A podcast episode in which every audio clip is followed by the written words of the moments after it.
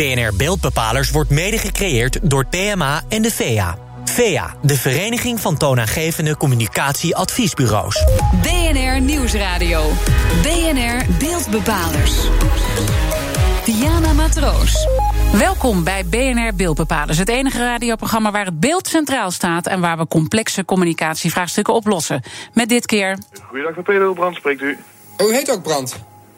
Ja, zeker. Oh, maar u bent niet van Brand, toch? Ik ben niet van Brand, maar ik heet wel Brands van achteren. Oh, nou, dat is toevallig. Wat is het verschil tussen Brand en Heineken? Ja, ik weet de smaak en, eh, en eh, de beleving, zeg maar, ja. Oh, de beleving. Ja.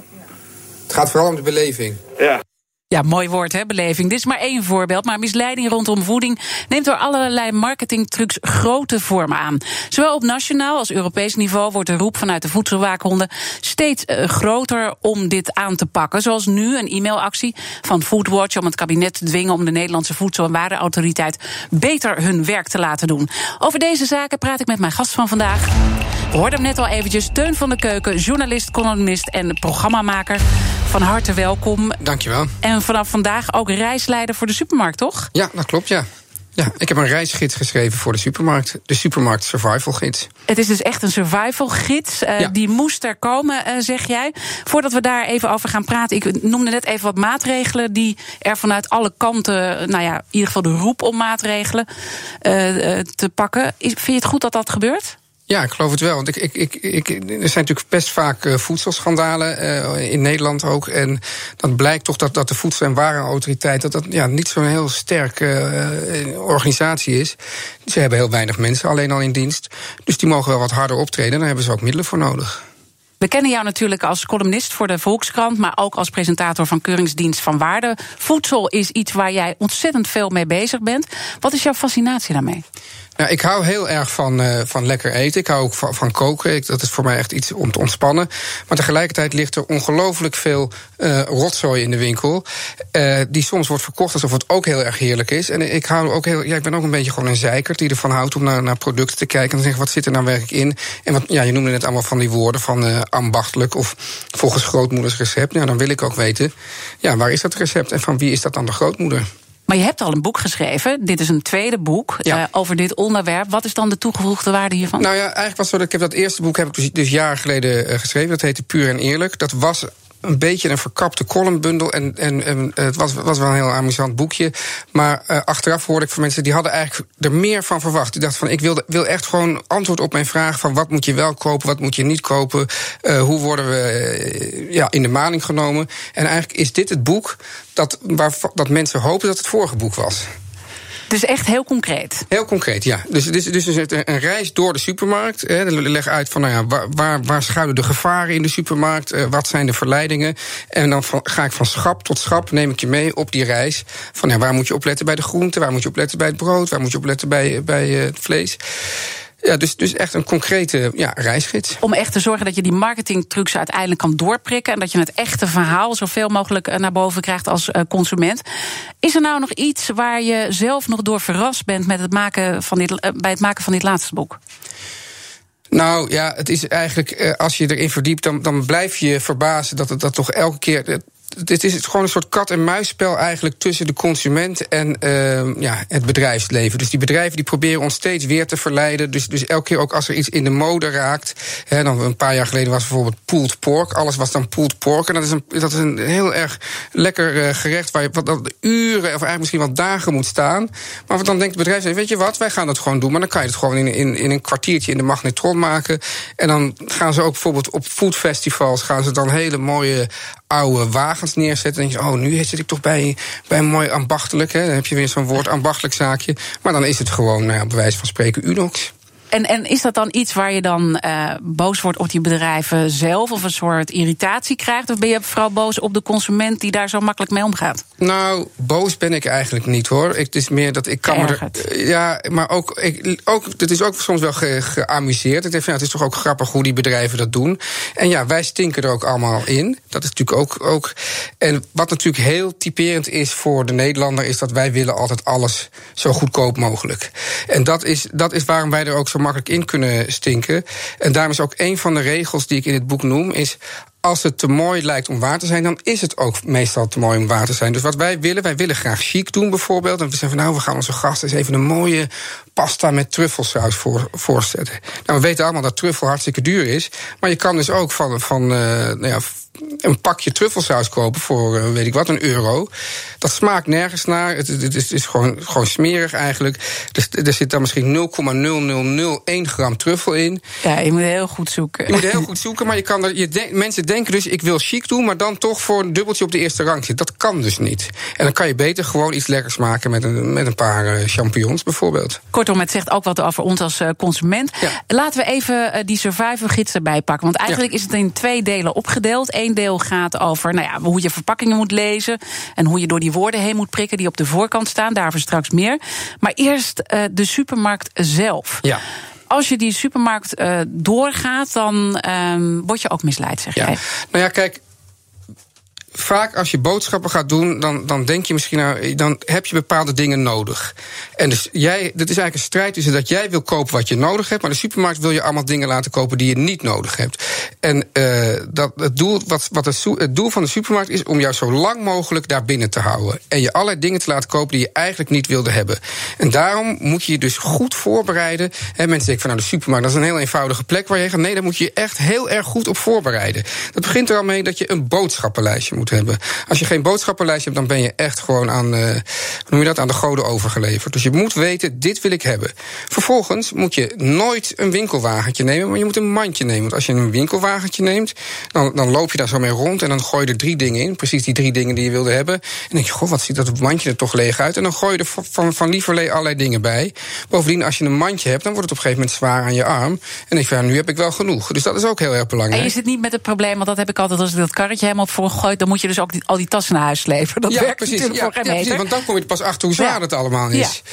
En dan is het dat, dat een supermarkt is ook eigenlijk een soort, net als een casino, is het een plek uh, waar uh, nauwelijks daglicht is. Ik weet niet of het je wel is opgevallen, maar je komt binnen, dan, dan heb je dus die, die grote ruiten. Mhm. Maar als je dan eenmaal de supermarkt in bent, dan is er nergens meer daglicht. Dan, dan, dan ben je gewoon in de sta je in de schappen. Er hangt ook nergens een klok. Dus dan weet je niet meer hoe laat het is. Dan staat er op een gegeven moment staat er ergens, uh, dat heb je tegenwoordig vaak, een koffieautomaat. Dan denk je, nou, dat is aardig zeg. Ze geven me koffie. Nee, dat is helemaal niet zo aardig als je denkt. Dat is alleen maar om de vaart er bij jou in te, uit te halen. Jij denkt, ik ga gewoon kopen wat ik wil. Maar langzamerhand word je toch relaxed. Dan staat er van die muzak op die je ook een beetje rustig maakt. En voor je het weet sta je met een koffiebekertje in de hand. Heel rustig, ja, je wagentje vol te Nou laden. ja, de met vraag is wat er verkeerd aan is. Want dit is ook gewoon een bedrijf. En bedrijven leren dat ze eh, nou, klanten in de watten moeten leggen. En daar hoort dat ook wel een beetje bij. Nee, ik zeg ook niet dat het, uh, ik zeg ook niet dat het verkeerd is. Ik zeg alleen, kijk, zij willen jou allemaal dingen laten kopen die je niet wil. Uh, je beginnen altijd met de groenten. Dan ben je nog van goede moed. En denk je, ja, ja ik ga inderdaad uh, komkommer en bloemkool kopen. Maar zolang, als je dan langer daar rondloopt, dan word je dus natuurlijk steeds moer. En dan word je dus zwak. En dan zie je opeens meer tegen het einde zie je dan de, de bieren en de chips staan. En die gooi je dan ook in je wagen. En dan ben je dus, ja, dan ben je dus verloren. En dan, ja, dan dij je ook uit. En dan word je dik en dan word je uh, uh, slap. Dus uh, er is niks verkeerd aan. Het is hun taak om ons zoveel mogelijk te laten kopen. Het is onze taak, onze verantwoordelijkheid en onze vanzelf om daar niet in te stinken. Waar wij vreselijk om moesten lachen in jouw boek is de eieren. Want dat hadden we, hè, want er zitten ook sommige dingen. Ik weet best wel veel van voedsel. En denk, oké, okay. Maar van die eieren heb ik me nooit beseft wat daar de gedachte achter was.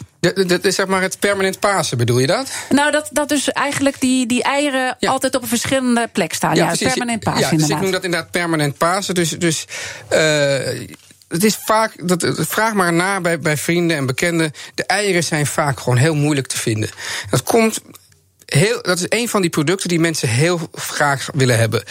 En dan, sta, dan loop je in de supermarkt en dan loop je maar te zoeken waar die eieren nu weer staan. En het is alleen maar om jou weer door die hele winkel heen te leiden.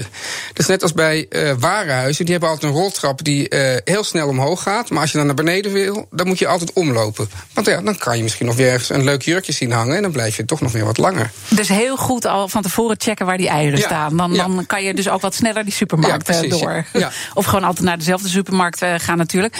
Overigens, uh, die supermarkt is wel een hele bijzondere samenleving. Dat beschrijf je ook in jouw boek. Ja, ja nou, ik, wat, want kijk, jij zei van waar, waar ben je boos om? Of, maar ik vind de supermarkt, ik vind dat, uh, vind dat toch ook een geweldige plek. Alleen al ook hoe, dat hoe alles georganiseerd is. Dat je denkt van, ik ben wel eens ergens geweest, er werd dan gekeken van, uh, voor een uitzending over voedselverspilling bijvoorbeeld. En dan ga ik bij een supermarkt kijken van nou, hoeveel gooi je dan per dag weg? Nou, dat is helemaal niet zoveel. Dat is, dat is bij wijze van spreken één of twee winkelwagentjes per dag. Als je bij elkaar optelt, is natuurlijk veel te veel. Maar hoe dat allemaal zo op elkaar afgestemd is, dat zij weten wat wij, wat wij willen hebben.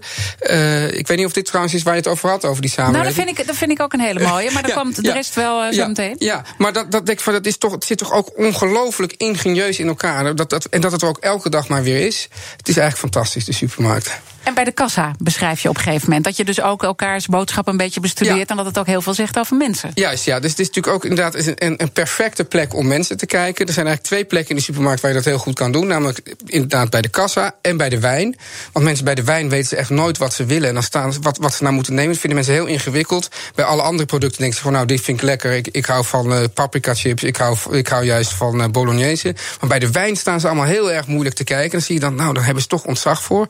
En bij de kassa kan je dus ook zien van oh, dat is een alleenstaande vrouw. Dat is een alleenstaande man. Uh, dus, Hoe zie je dat dan? Nou, vaak zie je dus. Vaak, het grappige is dat een, een, een vaak een, een, dame op leeftijd alleen. Die, die, die, die koopt vaak nog juist wat, wat lekkere dingen waar ze nog even mee gaat verwennen. Dat zie ik dan vaak. En dan zie je dan een, een, een alleenstaande man die dan, dan zo'n blik goedkoop bier neerzet. En dan een hele treurige kant en klaar. Maar, en dan, dan, ja, dan krimpt mijn hart ook altijd een beetje in één. Ja, die mannen zijn toch intussen wel een beetje veranderd? Ja, nou ja, toch. Uh, ja, dat, dat moeten we verder onderzoeken.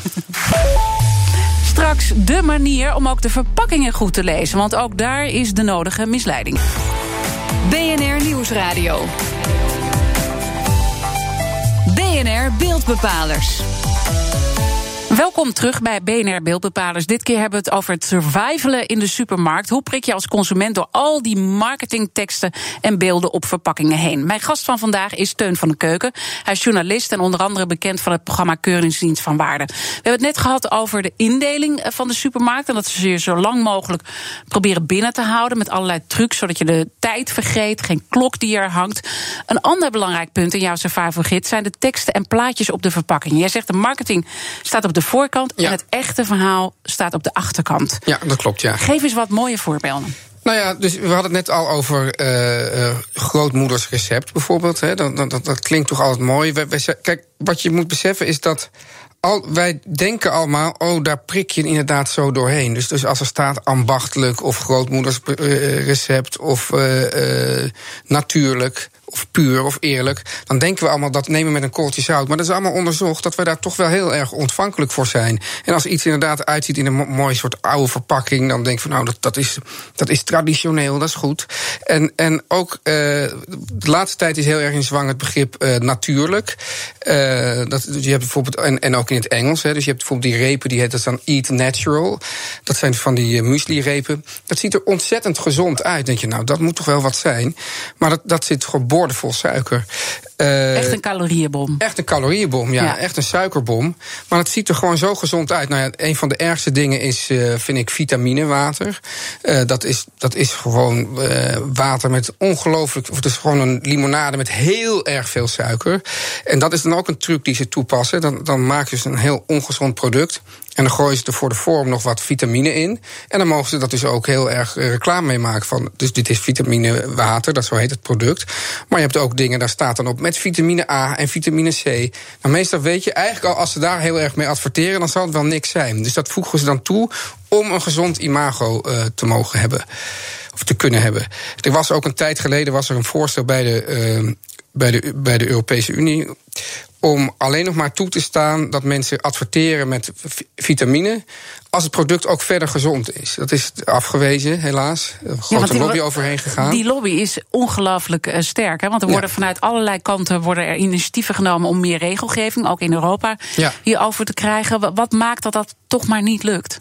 Nou ja, ik denk, uh, goed, we hebben natuurlijk hier ook gezien hoe, hoe groot uh, de lobby is uh, van bijvoorbeeld Unilever. Of ja, is dat nou, dat nou gelukt of niet gelukt? Maar in ieder geval, je ziet hoe, hoe, sterk, hoe sterk de invloed van dat soort bedrijven is. En dan, dan lijkt dus dat er zo'n voorstel wordt aangenomen, ook in Europa. Nou, dan is er een tijd tussen het voorstel en het stemmen. En dan opeens slaat het om. En dan wordt er waarschijnlijk gezegd van ja, dat gaat ons banen kosten of weet ik wat. En daarom betekent het eigenlijk dat alles wat op de voorkant van verpakkingen staat, dat moet je gewoon niet serieus nemen. Dat, want er is geen enkele regel voor. Je mag, je mag dus al die, al die termen gewoon gebruiken. Waar ik zo van schrok in jouw boek is die Zonatura thee. Ja, dat is verschrikkelijk. Dat, dat wat, was dat nou? De, dus, dus, dus je hebt een, een uh, Zonatura oplossthee, uh, geloof ik. Ja, het is een kruidenthee. Een kruidenthee. Nou ja, Zonatura, u kent het allemaal wel met, met, dat, met dat geel en, en, en witte verpakking. Dat ziet er ook ontzettend gezond uit. En ik weet niet meer uit mijn hoofd, maar ik dacht dat iets van 90% suiker had. Echt, echt 92%. 92% suiker. En dat is echt gewoon, ja, als je dat, dat bedenkt. dat is, slaat helemaal nergens op. Nee. En die ging dus ook bellen. En ik zei van, ja, is dat dan uh, gezond? Ja, daar wil ik geen uitspraken over doen. Maar ja, het wekt dus allemaal die indruk. De boerenomelet? Ja, het voorbeeld dat, daarvan, dat is, die nou, is ook briljant. Ja, die is fantastisch. Dat is eigenlijk mijn favoriete verpakking. Dat is volgens mij boerenomelet met ui en prei boerenomelet met paprika. Prei? Paprika, ui en prei. Zelf toevoegen eieren, paprika, ui en prei. Ja. ja, dus, dus eigenlijk koop je gewoon een heel erg duur zakje. En, en, zakje zout. Een zakje zout, eigenlijk, ja. En, en, jij zei ook uh, voor de break zei je over die mensen bij de kassa. En soms wil ik ook mensen bij de kassa gewoon aanspreken. En dan zeggen van: ja, u koopt het nou wel, maar dit is nergens voor nodig. Dit is echt eigenlijk zo makkelijk om gewoon zo'n omelet te maken uh, zonder dit uh, eh, zonder dit pakje. En dat, wat, wat mensen eigenlijk kopen, is gewoon een heel duur recept. Want ze weten gewoon niet hoe ze het moeten maken. Dan kopen ze zo'n kant-en-klaar pakje waar niks in zit. En dan moet je dus alle ingrediënten alsnog kopen. En dan staat er op het pakje hoe het moet maken. Ja. ik zeg, koop die pakjes niet, maar google gewoon even hoe je een omelet maakt. De voorbeelden zijn echt talrijk. Ook dat de verpakkingen bepalen hoe groot een kip mag worden. En hoe oud een kip mag worden, want anders past hij niet in de Precies, verpakking. Ja, ja. Uh, ook een ander voorbeeld, uh, biologisch vlees of uh, biologische eieren wil niet zeggen dat het ook milieuvriendelijk is. Ja, dus dat, dat, is, dat is een hele, uh, ja, best wel een ingewikkelde zaak, uh, helaas. Maar je denkt altijd dat biologisch, tenminste, ik zou denken dat biologisch en milieuvriendelijk hetzelfde is. Maar dat is helemaal niet zo. Biologisch betekent dat nou, de dieren biologisch voedsel krijgen en dat ze een bepaalde ruimte hebben. Maar eigenlijk de plofkip bijvoorbeeld, hè, waar we, die we helemaal niet meer hebben en die dat heel erg vermalendijde plofkip. Ja, dat was een ongelooflijk efficiënte kip. Want er gaat precies evenveel voer in als, er vlees, als hij vlees produceert. En op precies het moment dat, er, dat, dat die efficiëntie afneemt, werd hij gewoon dood gemaakt. Dus dat is, voor het milieu is dat eigenlijk fantastisch. Want je stopt een kilo voer in en je krijgt een kilo vlees. Maar het is natuurlijk heel erg, we willen dat niet met die kippen. Maar dat is dus wel eigenlijk biologisch, dat zij zou eigenlijk zeggen, dat is de meest biologische kip. Terwijl die, de echte biologische kippen, die hebben veel meer ruimte. En hoe meer ruimte, hoe meer voedsel, hoe slechter voor het milieu. We zijn alweer aangekomen bij de conclusie. En we proberen ook eigenlijk een beetje erachter te komen. Wie kunnen we nou nog überhaupt vertrouwen? Ja, we, moeten natuurlijk jouw gids kopen, dat begrijp ik. Maar kunnen het voedingscentrum vertrouwen? Nou, ik denk dat we het belangrijkste is. Ja, dat, dat kan ik moeilijk zeggen. Ik zou zeggen, je, je moet gaan naar winkels waar je mensen inderdaad kent, waar je vragen kunt stellen. Wees kritisch. Dat is het belangrijkste. Stel vragen en wees kritisch. Lees de achterkant. Lees de achterkant. Kijk hoeveel suiker erin zit. Kijk hoeveel suiker erin zit. Kijk, het eerste ingrediënt van de ingrediëntenlijst is waar het meeste van in zit. Tweede ingrediënt dan net iets minder. Zo weet je ook. Dus lees die achterkant. Weet hoe je die achterkant moet lezen. En stel vragen aan de, aan de winkelier. Ja. Dus als het even kan en de supermarkt en de gewone winkel is nog open, ga dan naar de bakker en de slager. En als dat dan uh, niet lukt, ga dan naar de supermarkt. Maar informeer je, wees kritisch. Ja, maar dat voedingscentrum informeert ons natuurlijk ook. Daar geef je nog even geen antwoord op. Dus ja. is vanuit uh, sommige health freaks is daar best wel kritiek op. Ja, nou, ik ben niet per se een enorme liefhebber van het voedingscentrum. Nee. Want? Nou ja, omdat die ook, ja, die hebben ook weer hele uh, vaste ideeën. Ja, dat is weer een hele discussie apart. Maar ik, ik, het is in ieder geval niet zo dat ik denk van, nou, waar, wie moet er vertrouwen? Ga naar het voedingscentrum. Dat zou ik niet per se zo zeggen. Is er nog een verschil tussen. ik, ja, ja, ja. ik red je, ik ga, ik ga er niet op door. Maar is er nog een verschil tussen supermarkten? Uh, ja. Je kan denken, je kan beter veilig die, die supermarkt, daar word je nog een beetje serieus genomen als consument. Nou, ik vind de supermarkt op zich gewoon best wel goed in Nederland, hoor, daar niet van. Maar uh, ja, je moet gewoon je weg vinden in die supermarkt. Ja. Ja, maar het is niet zo dat, dat de een nou echt heel. Uh, ja, nou ja, ik heb ooit een, een soort hele uh, ja, lofrede op de Lidl geschreven. Dat is eigenlijk een hele goede supermarkt. Met, met bijvoorbeeld de, de, meest, de meest fantastische eieren van Nederland, om maar iets te noemen. Een van de voorbeelden. wil niet ja. zeggen dat die hele supermarkt meteen heel goed. Nee, maar Lidl is gek genoeg een, supermarkt die zich, die zich heel erg bezighoudt met bijvoorbeeld duurzaamheid. De beeldbepaler van de week. Tijd uh, voor de beeldbepaler van ja, de week. Vast, We gaan even gewoon lekker naar een ander onderwerp. En de redacteur Madelief van Haarlem is bij ons aangeschoven. Vertel. Twan Huis is de beeldbepaler van de week, de presentator van RTL Late Night. Hij krijgt er de afgelopen dagen echt flink van langs, van collega's en van kijkers, omdat hij journalistieke afspraken zou hebben geschonden. Nou ja, hoe zat het nou ook weer in elkaar? Afgelopen vrijdag zat een voor- en tegenstander van Zwarte Piet bij hem in de studio. Nou, de voorstander die wilde niet met de tegenstander gaan praten en vervolgens werd de tegenstander op de eerste rij in het publiek neergezet. Uh, later besloot Twan van ja, dit is toch misschien niet helemaal zo handig. Ik wil hem toch eigenlijk wel aan tafel neerzetten, zodat iedereen met elkaar erover kan praten. Maar ja, dat was weer tegen het zere been van de voorstander. Ze zegt ja, dit is uh, valse voorwenselen dat, uh, dat ik nu zo naar de studio ben gevraagd. Nou ja, vervolgens heeft iedereen nu eigenlijk zijn eigen visie van wat is er met wie afgesproken en hoe is dat nou precies gegaan. Ik zag het eventjes niet meer. Ik heb uh, tv-columnist Angela de Jong gevraagd hoe zij hier naar heeft gekeken. Misschien de laatste Twitter van uh, Jerry van uh, Kick-Out Zwarte Piet. Denk ik dat misschien een, racismekaart die halverwege getrokken werd tijdens die reclamebreak. Uh, van joh, ik, ik voel me hier op, dit, op deze eerste rij voel ik me net alsof ik in de back of the bus zit. Wat natuurlijk een heel duidelijke verwijzing is naar de situatie van Amerika jaren geleden denk ik dat op een gegeven moment de spanning zo groot werd dat Twan dacht, nou ja, of ik moet mijn woord breken of ik, of ik word voor racist uitgemaakt hier. Nou ja, dan kies ik het eerste. Ja, en ik vroeg Angela ook nog naar wat dit eigenlijk verder zal betekenen voor de kijkcijfers. Ik bedoel, zullen de kijkers dit pikken van hem of niet, van wat hij nu eigenlijk heeft gedaan? Nou ja, ze vertelde me dat ze het van enorm gunt en ze heeft hem nog heel hoog zitten als uh, journalist, maar ze vreest dat het een onmogelijke missie wordt. Um, Teun, jij bent natuurlijk ook journalist. Ja. Hoe heb jij hier eigenlijk naar gekeken? Nou ja, kijk, het, ik denk dat het gewoon vanaf meter, van meter af aan helemaal fout is gegaan. Want, want als je dus twee partijen aan tafel. Hij wilde natuurlijk aanvankelijk al twee partijen aan tafel hebben. Nou, wil een van de twee partijen wil niet. En dan ga je daar dus een soort afspraken over maken. Ja, dan, dan ben je eigenlijk al in een, in een rare situatie. En ik, kan me ook voorstellen dat als het heel lekker ging met het programma, dat hij dit nooit heeft gedaan. Maar dat hij zegt, ja, ik moet nu natuurlijk wel gewoon de, de, de persoon van de week of van de, van de dag in de studio hebben. Dus dat hij daaraan toe heeft gegeven. En dat hij dan halverwege weer denkt, ach, dit pakt toch ook weer niet zo lekker uit.